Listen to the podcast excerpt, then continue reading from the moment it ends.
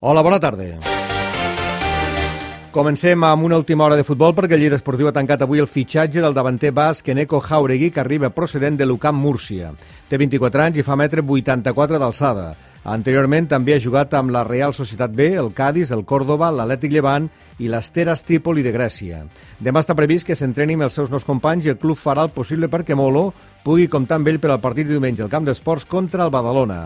Precisament, l'entrenador del Lleida Esportiu Molo ha parlat de les prestacions que li pot donar aquest nou fitxatge a l'equip. Es un jugador que no que creo nos va a dar muchísima profundidad, es un jugador muy potente, un jugador que, tiene una trayectoria dentro de su juventud importante en segunda B y que ha hecho creo que son cerca de 20 goles, eh, 4 o 5 temporadas y que, y que estamos muy contentos porque era una posición que queríamos reforzar, eh, es una posición en la que solamente tenemos a Raúl, que Alfa alguna vez la ha podido hacer, pero entendemos que es incluso más banda que punta y un 9 puro, pues muchas veces incluso ha habido partidos que incluso más recuerdo la semana de tres partidos que tuvimos que, tuvo que jugar todo Raúl que, los, primos al máximo. Entonces es un tío que nos va a dar competencia en ese puesto que nos va a dar goles y que nos va a dar también la capacidad de oye pues en un momento determinado incluso poder poner dos puntas y riqueza táctica. Bueno estamos muy contentos porque es un perfil Lleida en el sentido de que es un chaval joven con mucha proyección viene muy ilusionado y bueno lo esperamos con los brazos abiertos y nada que se ponga al modo trabajo y nada a ver que si tiene suerte también a nivel personal i nos da mucha alegria. Eneco Jauregui era una de les moltes negociacions que ha tingut el Lleida Esportiu per reforçar la davantera al mercat d'hivern. El club també ha parlat amb Moussa Sidibé de la Pontferradina, Kevin Soni del Villarreal B, Ernest Forgàs del Badajoz o Jordi Sánchez del Castelló. De qualsevol manera, des del club no donen per tancada encara la plantilla i continuen obertes a altres negociacions. Però en cas que qui s'incorporés tingués més de 23 anys, el Lleida Esportiu hauria de donar una baixa a la plantilla, cosa que no es descarta. Recordem que a segona B el mercat d'hivern es tancarà dilluns a les 6 de la tarda. Mentrestant, el Lleida Esportiu rebrà diumenge a les 5 de la tarda al camp d'esports el Badalona, amb qui està empatat amb 16 punts. L'entrenador Molo, que complirà el primer dels dos partits que té de sanció, només té la baixa de lateral esquerre. Abraham, també sancionat. Avui té partit de la Lliga Femenina de Bàsquet del Cadí la Seu. A partir de les 7 del vespre rebrà el Palau d'Esports de la Seu d'Urgell l'Estudiantes. L'equip de l'Alt Urgell, que avui disputarà el seu cinquè partit en 11 dies, tornarà a jugar a casa després de gairebé un mes.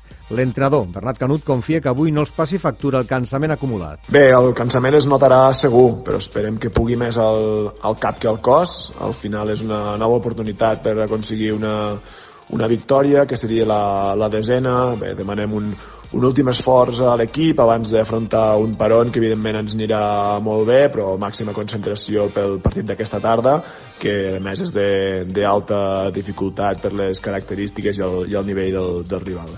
L'equip madrileny arriba a la seu en plena bona ratxa perquè han guanyat 7 dels últims 9 partits que han jugat.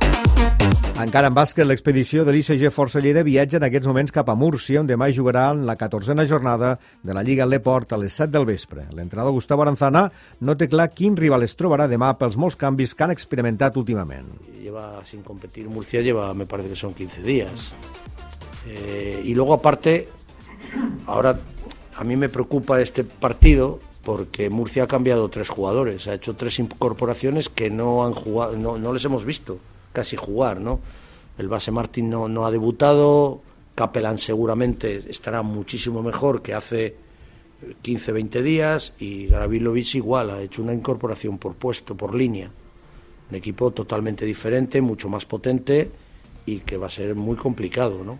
Pero todos estos vaivenes te alteran, te alteran la competición y te alteran tu, tu, día a día, pero bueno, la adaptación no cabe duda que es la que hay que hacer. Pot ser perquè demà tocarà improvisar sobre la pista, la figura de l'entrenador pot adquirir molt protagonisme a Múrcia. Sí, sin duda, sin duda, y de Jordi, de, de el entrenador siempre hablo, nosotros somos cuatro ojos y hay dos entrenadores y lógicamente Jordi y yo estaremos a muerte ahí virando por si hay algún ajuste que realizar. Pues claro que, que sí, es decir, nosotros no es el mismo Murcia. Capelán juega mucho mejor el bloqueo directo, descarga mucho la situación de bloqueo directo con, con Alex Hernández, ya pueden jugar ambos. Las situaciones ofensivas de 5 contra 5 las conocemos, pero seguro que habrá algún detalle donde ellos eh, puedan sorprendernos, porque han podido preparar muy bien el partido, ¿no? Y repito, bueno, en el partido veremos y estaremos atentos a poder a poder hacer algo bueno ajustarnos un poco a lo que ellos nos puedan sorprender Yo en eso no estoy preocupado. Estoy preocupado que nuestra concentración sea del 100%. El Múrcia és el penúltim classificat amb 4 victòries, una menys que els lleidatans. Recordem que després del partit de demà a Múrcia, el Força Lleida no tornarà a la capital de la terra ferma perquè dimarts jugaran a Granada el partit que tenen ajornat.